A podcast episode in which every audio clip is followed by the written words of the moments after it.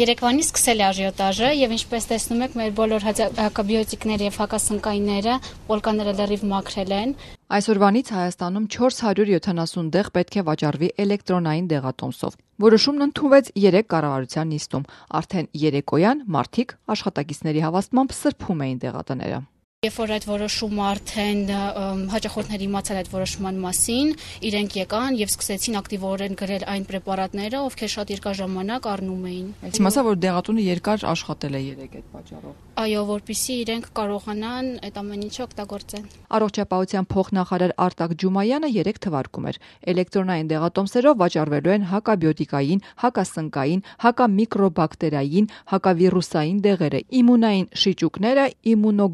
իմունոգլոբուլինները, պատվաստանյութերը եւ միզապրաստոլ պարունակող դեղերը։ Ինչը կբերի ինքնաբուժության նվազման, որակյալ արդյունավետ եւ նպատակային բժշկական օգնության տրամադրման։ Եթե 20 տարի նույն դեղը խմում եմ, ինչ իմաստ ունի ես այդքան ճանապարհ անցնեմ դեղը գնելու համար։ Կենտրոնից հեռու գտնվող այս դեղատանը այսօր հերթեր էին։ Կառավարության որոշումից վրթովված հաճախորդները տուփերով գնում էին իրենց համար կենսական նշանակության դեղերը, ընդ որում առանց էլեկտրոնային դեղատոմսի։ Այո, լսել եմ, որ պետքա լինի այսօրվանից ինչ որ ինքը ռեցեպտոր, դեղատոմսով, այո, հենց այն դեղը, էուտերոքսը,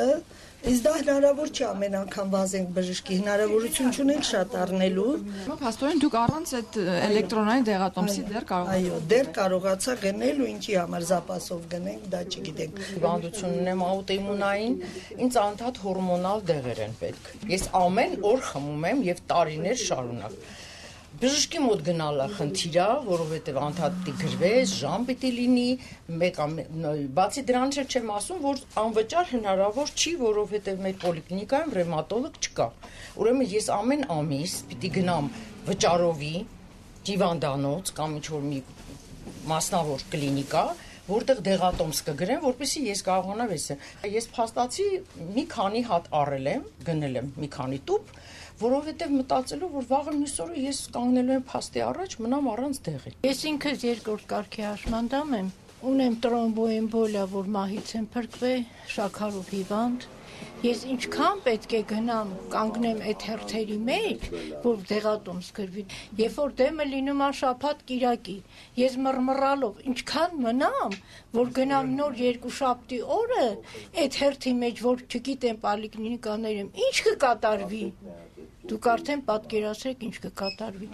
թեև արդեն այսօրվանից դեղատոմսի դուրս գրումը պետք է կատարվեր արմետ համակարգով, բայց այս դեղատանը որևէ մեկը դեռ էլեկտրոնային դեղատոմս չէր ներկայացրել։ Մենք ունենք լիքը հաճախորդ, որ նշել են, որ առավոտվանից գնացել են պոլիկլինիկա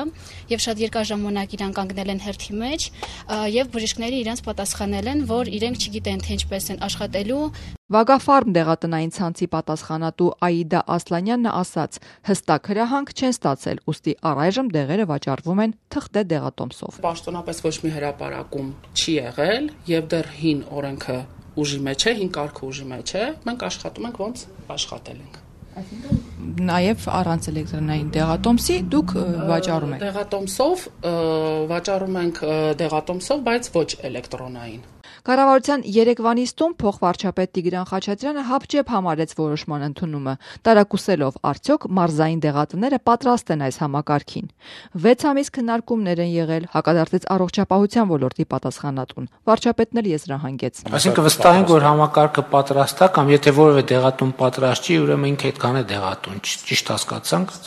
Այսինքն ինքը արդեն իսկ լիցենզիոն պայմանը խախտել է, եթե չունի արմետ համակարգ երբ որ գալիս է էլեկտրոնային դեղատոմս, այսինքն հաճախորդի իր անձնագրով կամ սոցքարտով մոտենում է, մտնում եք այս դեղատուն հատվածը, այստեղ հավաքում ենք հեսա պատուհանը բացի, այստեղ հավաքում ենք նրա տվյալները ու արդեն բացում է, թե բժիշկը իրան ինչ դեղատոմս է դուրս գրել։ Մեր այցելած մեկ այլ դեղատանն էլ օրվա ընթացքում ընդամենը 1 հոգի էր էլեկտրոնային դեղատոմս ներկայացրել։ Աշխատողները նեղ սրտած ասում էին, խնդիրներ կառաջանան հատկապես գիշերային ժամերին, երբ մարդիկ հրատապ դեղի պահանջ ունենան։ Ազատության հետ զրույցներում պոլիկլինիկայի բժիշկներն էլ իրենց հերթին դժգոհում էին, որ տարեց մարդիկ հաճախ չեն կարողանում անձամբ ներկայանալ պոլիկլինիկա կանչ են ձևակերպում, իսկ այս դեպքերում իրենք չգիտեն ինչպես են էլեկտրոնային դեղատոմս նշանակելու։ Ու չնայած այս խնդիրներին կառավարությունը վստահեցնում է, որ արդեն հաջորդ տարվանից գրանցված դեղերի 75%-ի վաճառքը լինելու է բացառապես էլեկտրոնային դեղատոմսով։ Անուշ Մկրտչյան, Ազատություն ռադիոկայան, Երևան։